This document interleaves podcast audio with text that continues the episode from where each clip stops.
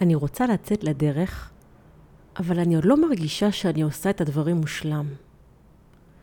כמה פעמים המשפט הזה יושב לנו בראש, ואפילו שאנחנו, המטפלים, המאמנים, יודעים להגיד לאנשים שאנחנו מלווים שאין דבר כזה מושלם, ואנחנו אלופים בלהגיד ששלם זה עדיף על מושלם, עדיין גם לנו יש אימון ודרך לעבור עם ניקוי המושלם הזה מתוך מערכת ההפעלה שלנו. ואני רואה את זה עליי ועל מטפלים שאני מלווה, בין אם זה בשיווק שאנחנו עושים ומנסים שכל פוסט יהיה מושלם, בין אם זה בדרך שבה אנחנו נותנים לעצמנו ציונים על מפגשים בקליניקה, בין אם זה כשאנחנו רוצים להכניס משהו חדש, תחום חדש, אולי להתחיל לעבוד עם קבוצות או סדנאות. יש לנו משהו חדש ללמוד, רצון שיהיה מושלם, ואם אפשר, אז כבר מההתחלה. אז בפרק הזה נדבר על מושלם ועל איך מסכימים לעשות לא מושלם.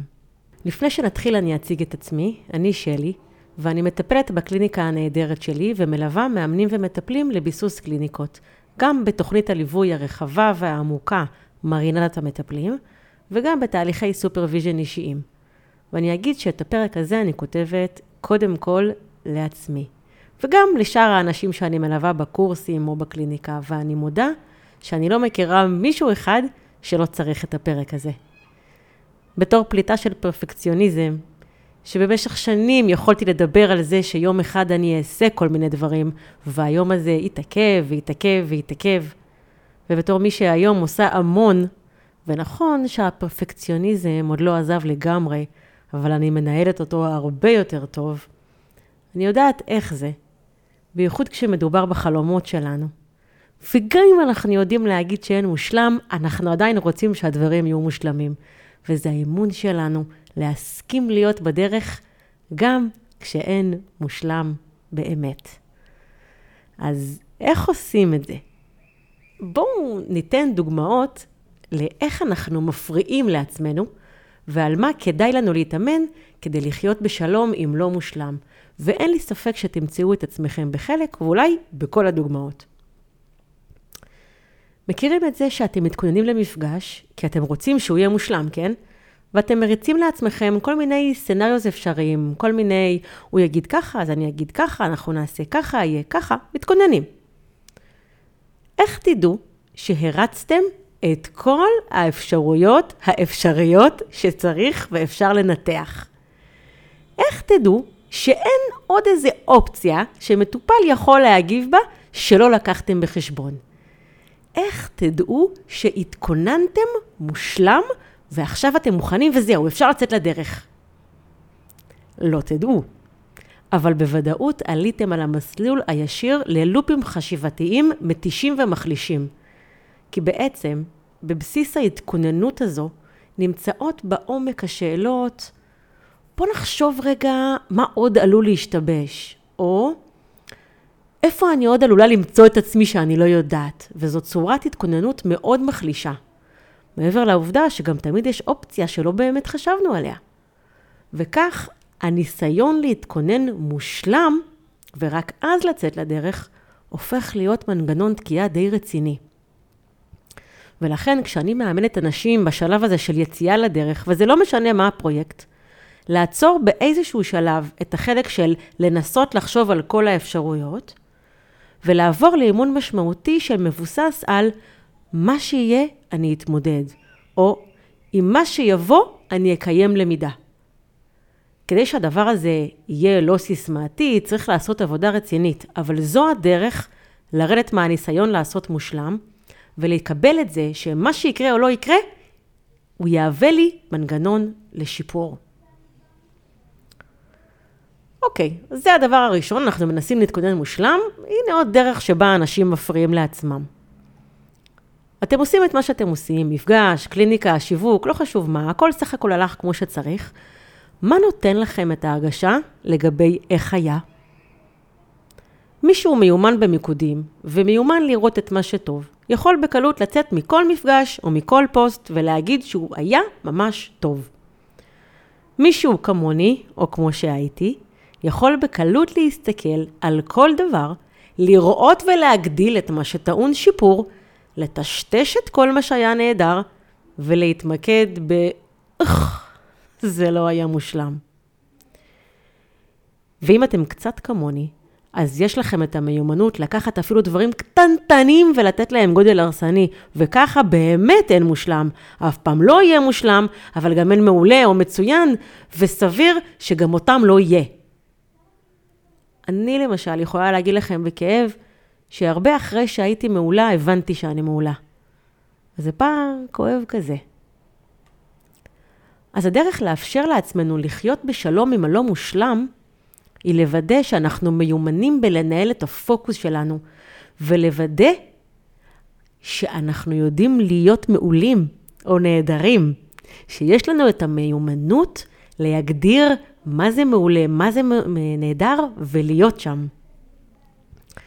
ובואו נמשיך עם עוד משהו שאנחנו עושים, שמאמת אותנו עם מושלמות בדברים שאנחנו עושים. השוואות. אבל לא סתם השוואות, השוואות דמיוניות. אני זוכרת את עצמי בשלב מסוים כלומדת או מתרגלת, מסתכלת על המורה שלי וחושבת לעצמי, היא הייתה עושה את זה טוב יותר, היא הייתה עושה את זה מהר יותר, היא בטח הייתה לוקחת את המטופל הזה לכיוון עבודה טוב יותר. הייתי חושבת לעצמי את המחשבות האלה ונותנת להם להיות.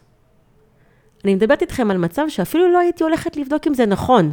לא הייתי הולכת לבקש או לקבל משוב, פשוט מין אמת כזאת, בלתי ניתנת למדידה, שאני מאפשרת לה להיות בתוכי ולהשפיע על התחושה הכללית שלי, ולא לטובה.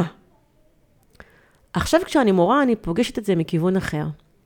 אני רואה את האנשים שאני מלווה, חושבים לפעמים את המחשבות האלה עליי, וכשהם באים ושואלים ומבקשים משוב, אני שמחה כי אני יודעת שהם לא כמונו, כמוני, נתקעים עם המחשבות האלה לעצמם, לפחות הם באים לדבר, וגם אז, כשאני אומרת להם מה אני הייתי עושה, כולנו יודעים, לפחות ככה אני מקווה, שזה לא אומר שמה שאני חושבת זה הדבר הנכון, כי אני לא מחזיקה אצלי את מה נכון או נכון. וגם מה שאני רואה מהצד, זה לא אומר שזה מה שאני הייתי רואה או עושה אם אני הייתי באמצע. כלומר, דברים שאני יכולה כמאמנת מהצד לראות, לא בטוח שהייתי רואה אותם בדיוק באותו אופן כשאני הייתי המאמנת של המפגש הזה.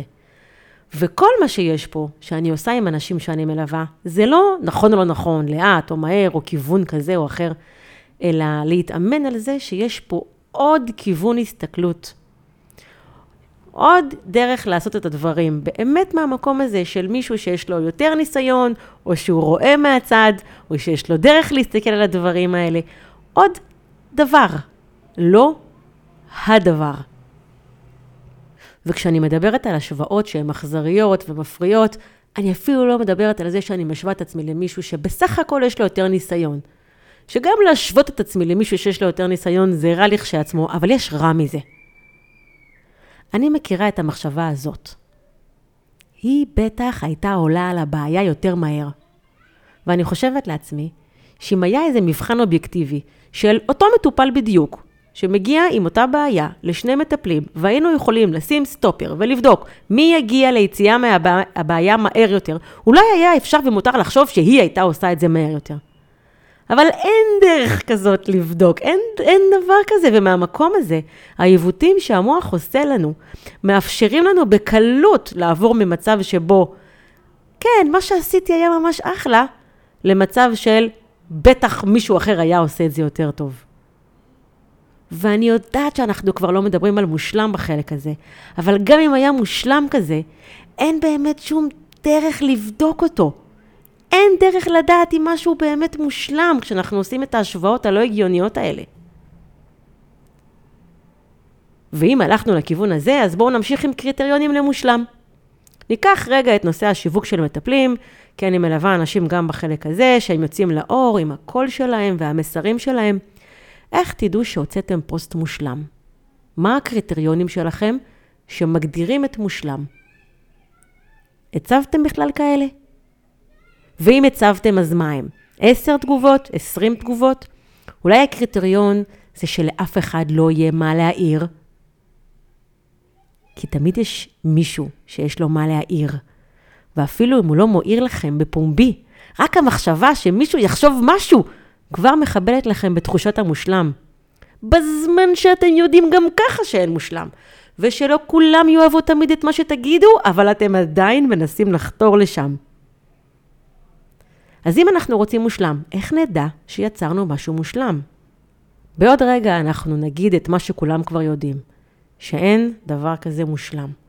אבל שנייה לפני זה אני אגיד שאם אתם רוצים מושלם, ולא הגדרתם מה הקריטריונים שיוכיחו לכם שהגעתם למושלם, אתם בבעיה גדולה. כי תמיד, תמיד, תמיד אפשר עוד. הגעתם לעשר תגובות לפוסט? למה לא חמש עשרה? הגיעו חמישה אנשים לקליניקה? למה לא עשר? אתם יכולים להכיל מבחינה רגשית רק חמישה אנשים בקליניקה? למה לא עשרים? שאולי יכולה עשרים. עבדתם עם אדם תהליך במשך שעה? למה לא הצלחתם תוך חצי שעה? טיפלתם בבעיית חרדה תוך שישה מפגשים? למה לא תוך שלוש? בטח מישהו שיש מישהו שעושה את זה תוך מפגש אחד, וגם פותר את הבעיה לתמיד. בטח, כן, יש מישהו כזה. ורק על הדבר הזה יש לי הרבה מאוד מה להגיד. לימדתם אדם כלי והוא לא יתאמן איתו השבוע. נו, כנראה שזה לא לימדתם אותו מספיק טוב, או לא הסברתם לו מספיק טוב למה זה כדאי לו, ועוד ועוד ועוד. הדרך להגיע למושלם, אם אתם רוצים ללכת למושלם, זה בואו נגדיר קודם כל את הקריטריונים, ונזכור שתמיד יש עוד. העניין הזה עם מושלם ועם הקריטריונים של מושלם, זה שאם כבר הבנתם את החלק הקודם שבו צריך להגדיר קריטריונים, אתם צריכים גם להבין שבכל קריטריון שתגדירו, יש אפשרות ליותר. והנה עוד פעם לופ, והוכחה ניצחת לזה שבאמת אין מושלם, ולא רק כסיסמה. חשוב לי להגיד פה משהו. כל אחד יודע להגיד שאין דבר כזה מושלם. אבל העניין הזה הוא באמת אחד הדברים שהם הכי לא walk the talk של מטפלים ומאמנים, שמובילים אנשים בדרך ל- ל- לחיות עם הלא מושלם שלהם. כי עדיין יש הרבה מטפלים שנתקעים. לא יוצאים לדרך. יוצאים לדרך, אבל הם בפוקוס על מה שפחות. מבקרים ושופטים את עצמם ואת התוצאות שלהם. עולים על המסלול ויורדים ממנו. מתחילים ומפסיקים. ומה כל אלה אם לא הוכחות של ניסיונות לעשות מושלם? או חוסר יכולת לשאת את זה שדברים יצאו לא מושלמים. כל ההיתקעויות, ההימנעויות, הזיפזופים, הם הוכחה חד משמעית לזה שיש עוד על מה לעבוד. ואני לא מתכוונת לזה שאפשר ללמוד לכתוב פוסט טוב יותר, או לשפר מיומנות בקליניקה, אלא על זה שאנחנו כמטפלים ומאמנים, יש לנו עוד מה להתאמן במסר הזה של אין מושלם.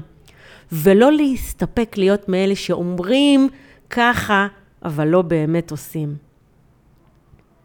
למרות שכל מטפל ומאמן יודע להגיד לאחרים שאין מושלם, עדיין אנחנו נתקעים. כל אחד במקומות שלו. וזה כי אנחנו לא מקבלים את הלא מושלם, או לא חיים בשלום עם זה שדברים לא יקרו בדיוק כמו שתכננו. משהו בין הידיעה שאין מושלם. עדיין לרצון להוציא משהו מושלם מתפספס. וזה אומר שאנחנו צריכים להפסיק להגיד, כן, אני יודע שאין מושלם, ולעבוד עם הגוף. לעבוד עם הרגש. עם הגוף שלנו שמתכווץ כשאנחנו עושים משהו חדש. עם הבטן שכואבת לפני שהם מוציאים לאור.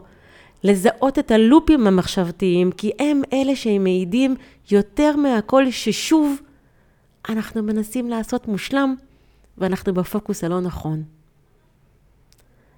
אני אראה לכם איך אני פותרת את העניין הזה, כי לי כואב פיזית שאני קולטת שאני לא walk, לא walk the talk. אני יודעת להגיד שאין מושלם, אבל אני גם אומרת מאוד ברור, שלמרות שאני יודעת את זה, יש לי קושי לחיות את זה, ואני מתאמנת על זה. אני מאלה שמסכימים להגיד שיש לי עוד על מה להתאמן. אני אמנם מתקדמת בצעדים יפים ומשמעותיים, אבל זה שאני יודעת את זה שאין מושלם, לא אומר שאני מיומנת בלחיות את זה בצורה מושלמת. והנה אתם כבר רואים לאיזה כיוון זה הולך. ובואו נמשיך עם עוד איזה סיסמה קלישאתית. מה עדיף? לעשות לא מושלם או לא לעשות בכלל? וגם פה אנשים יגידו לי, מה, ברור שעדיף לעשות לא מושלם מאשר לא לעשות בכלל. ברור. אבל תנו לי להגיד בכל זאת, למה עדיף לעשות לא מושלם מאשר לא לעשות בכלל? נגיד שזנחתי את מושלם, ואני עולה על המסלול של מצוין, או טוב מאוד, או מעולה. איך אני אדע אם אני מעולה כשאני יושבת עם עצמי בחדר ומדברת על מה אני יכולה לעשות? זה מזכיר לי את, הש... את אה, שיעור הנחות יסוד שלומדים בכיתת המטפלים. הנחות היסוד הם כלים טיפוליים ואבחוניים מעולים. לומדים אותם בכמה רמות. ברמה הראשונה לומדים אותם בקורסי היסוד, ששם אנשים מכירים אותם, מבינים אותם, ומתחילים לתרגל את הנחות היסוד לתוך החיים הפרטיים שלהם. כמעט בכל מרינדה, בכל כיתת מטפלים, יש אנשים שלמדו כבר את הנחות היסוד ברמה הראשונה, וחושבים לעצמם שהם כבר יודעים מושלם ושלא צריך יותר. בכיתת המטפלים אני מלמדת איך ממש לעבוד עם הנחות היסוד בקליניקה, שזו רמה אחרת לגמרי של עבודה, ואם חשבת שאתה יודע מושלם, אתה מגלה מהר מאוד שזה לא ככה. ברמה השלישית של הלמידה, אנחנו צריכים לוודא שהמטפלים לא רק מבינים את הנחות היסוד, ולא רק מבינים איך לעבוד איתם בקליניקה, המטפלים גם יודעים איך לדבר אותם מהפה, איך להציג אותם, איך להעביר אותם הלאה למתאמנים ולמטופלים, בלי שזה יוצא עם אם ובר וכל מיני גמגומים, ושהדוגמאות נשלפות, נשלפות כמו שצריך, ושהמטפלים לא שוברים לעצמם את הסמכות, בזמן שהם מנסים להיזכר איך מסבירים את מה שהם חושבים שיושב להם כל כך טוב בראש. כי בתוך הראש של אנשים, הם יודעים לעשות מושלם. בתוך הראש הכל יושב פיקס.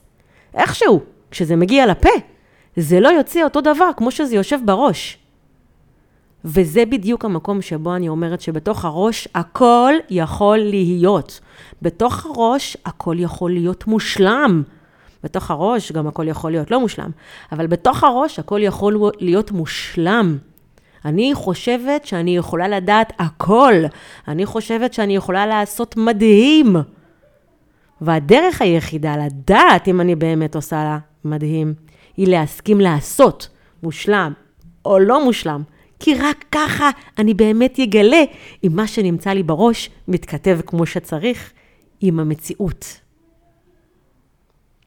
אז עדיף לעשות מושלם או לא מושלם, מאשר לא לעשות ולחשוב שאני כבר יודעת הכל, אני יודעת הכל מושלם, ואם רק היית עושה, הייתי עושה את זה, הייתי עושה את זה מושלם. תראו, אם יש משהו כואב, זה לראות ולשמוע אנשים שמדברים על מה הם היו עושים אם הם היו בנעליים של מישהו אחר. זה מדהים לראות שעל כל אדם שנועל את הנעליים ובאמת באמת הולך איתם במסע, יש עשרות, אם לא מאות או אלפים, שיודעים להגיד לאדם הזה מה הם היו עושים אם הם היו נועלים את הנעליים האלה במקומו. אבל כשיושבים בחדר ומדברים על הדברים, לא יכולים לדעת אם זה מושלם, או מצוין, או מעולה, וגם לא יכולים לדעת במה יכולים להשתפר. אז אם עדיף לעשות לא מושלם או לא לעשות בכלל, מבחינתי, אם לא עשית, אין לך זכות דיבור או מחשבה על זה שאתה עושה את זה מושלם. אז אנחנו מבינים שאנחנו רוצים להיות במסלול של מעולה במקום מושלם, ומבינים שצריכים להיות קריטריונים כדי שנדע אם הדברים מעולים או לא, ושכדאי לא לעשות השוואות אכזר... אכזריות, ולוודא איפה מונח הפוקוס שלנו. ויש עוד שני דברים שכדאי לשים אליהם לב בכל התהליך הזה של יציאה לדרך או שהות בדרך. אם אתם מאמינים שאין מושלם, אתם גם מבינים שזה אומר שתמיד יש מה ללמוד ומה לשפר. השאלה היא, איך אנחנו מחזיקים את עצמנו מבחינה רגשית ברגעים שנחשפים הדברים האלה שיש לנו מה ללמוד ולשפר. וזה אומר, איך אני מנהלת את הרגשות שלי כשאני מגלה שיש לי עוד מה ללמוד, ואיך אני מתמודדת עם הקושי שלי סביב מה יגידו אחרים כשמתגלה או עלול להתגלות שיש לי עוד מה ללמוד. אוש, נושא כאוב.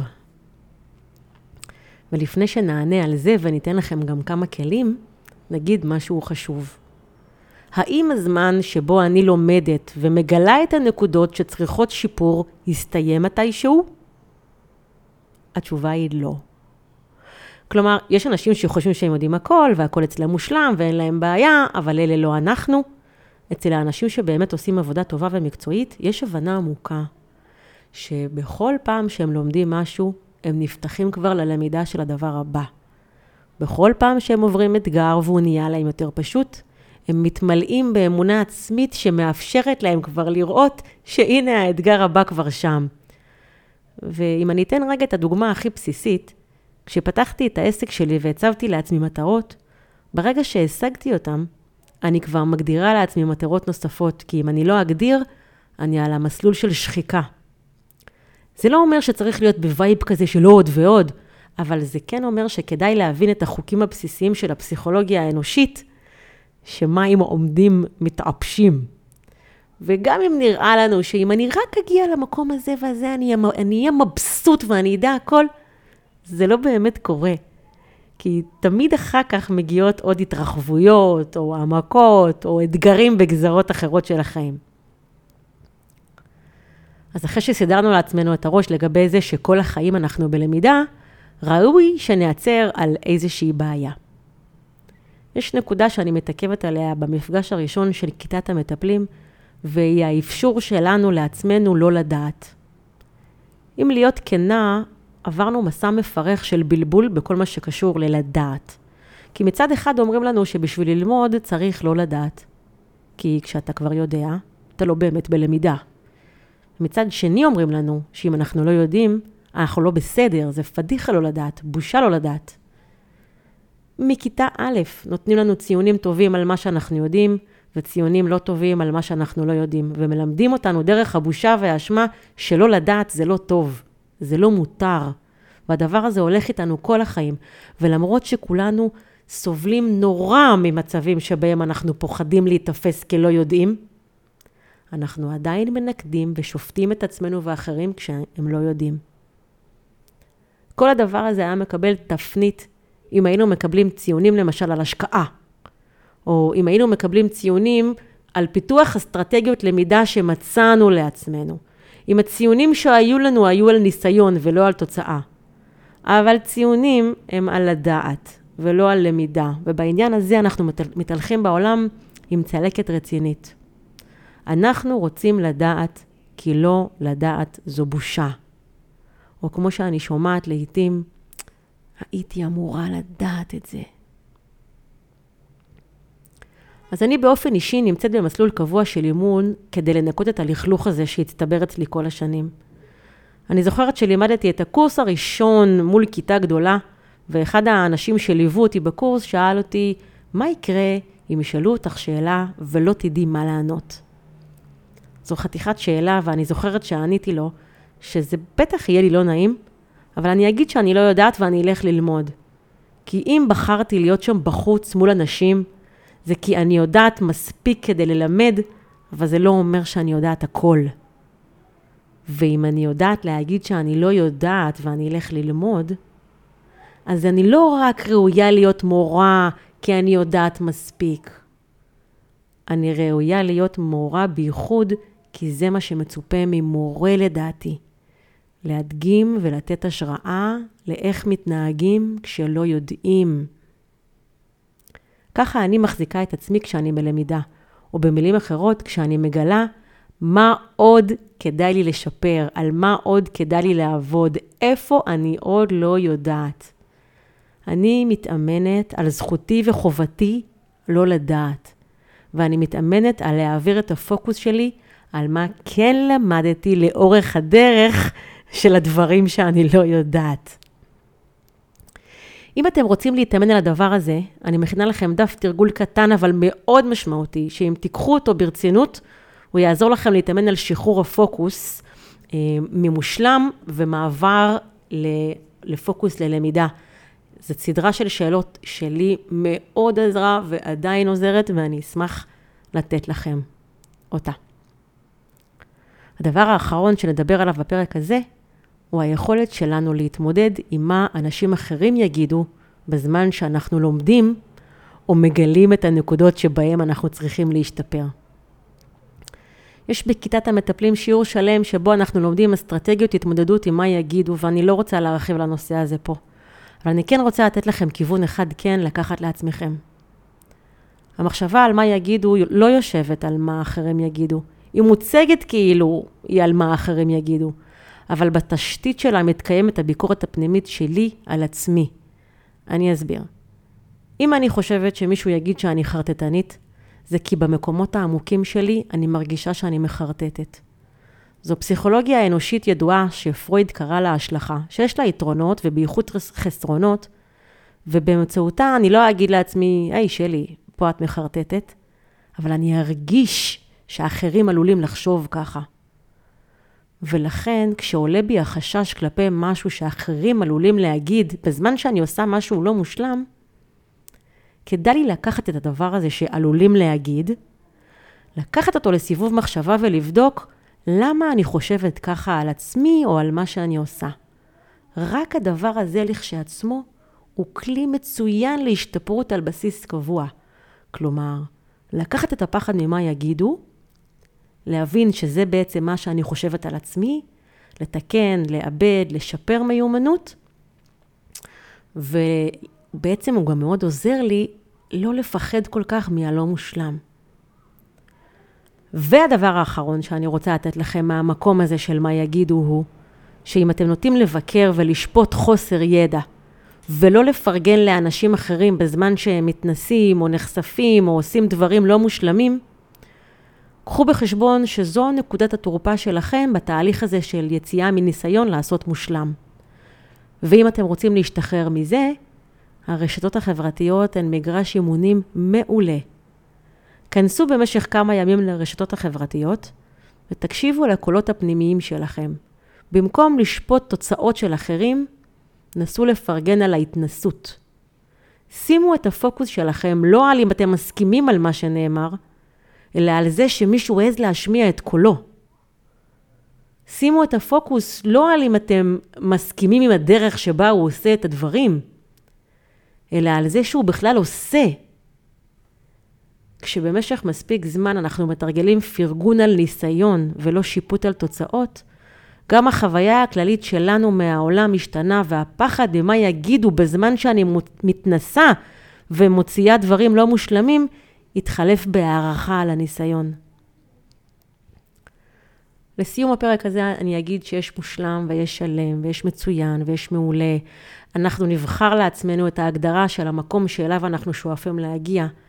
מתוך הבנה ברורה שלשאוף למושלם זה אומר לעולם לא להגיע, ולשאוף למעולה זה כבר עניין של פוקוס, קריטריונים ומיומנויות שכדאי לטפח. כמו בכל פרק, אני מרגישה שיש כל כך הרבה מה להגיד בנושא, וזה נותן לי הרגשה מצחיקה שכנראה נגיע עם הפודקאסט הזה גם לפרק מיליון. ובינתיים אני מקווה שהפרק תרם לכם, שעורר בכם מחשבות חדשות, שאולי תיקחו את עצמכם לעוד אימון. אמ, אם אתם מקשיבים לפרק הזה בספוטיפיי או בגוגל או באפל, קחו, קחו לכם רגע ותיכנסו לאתר שלי בפודקאסט, אה, כי שם אני שמה את דף האימון למעבר ממושלם ללמידה שהכנתי עבור עצמי ועבור הפרק הזה. ואם לקחתם משהו מהפרק הזה, אני אשמח אם תספרו לי ואם תכתבו לי, ואם יש לכם בקשות לפרקים, אני אשמח אם תגידו לי. ואני מאחלת לנו שתהיה לנו התפתחות אישית נעימה ומועילה. להשתמע בפרקים הבאים.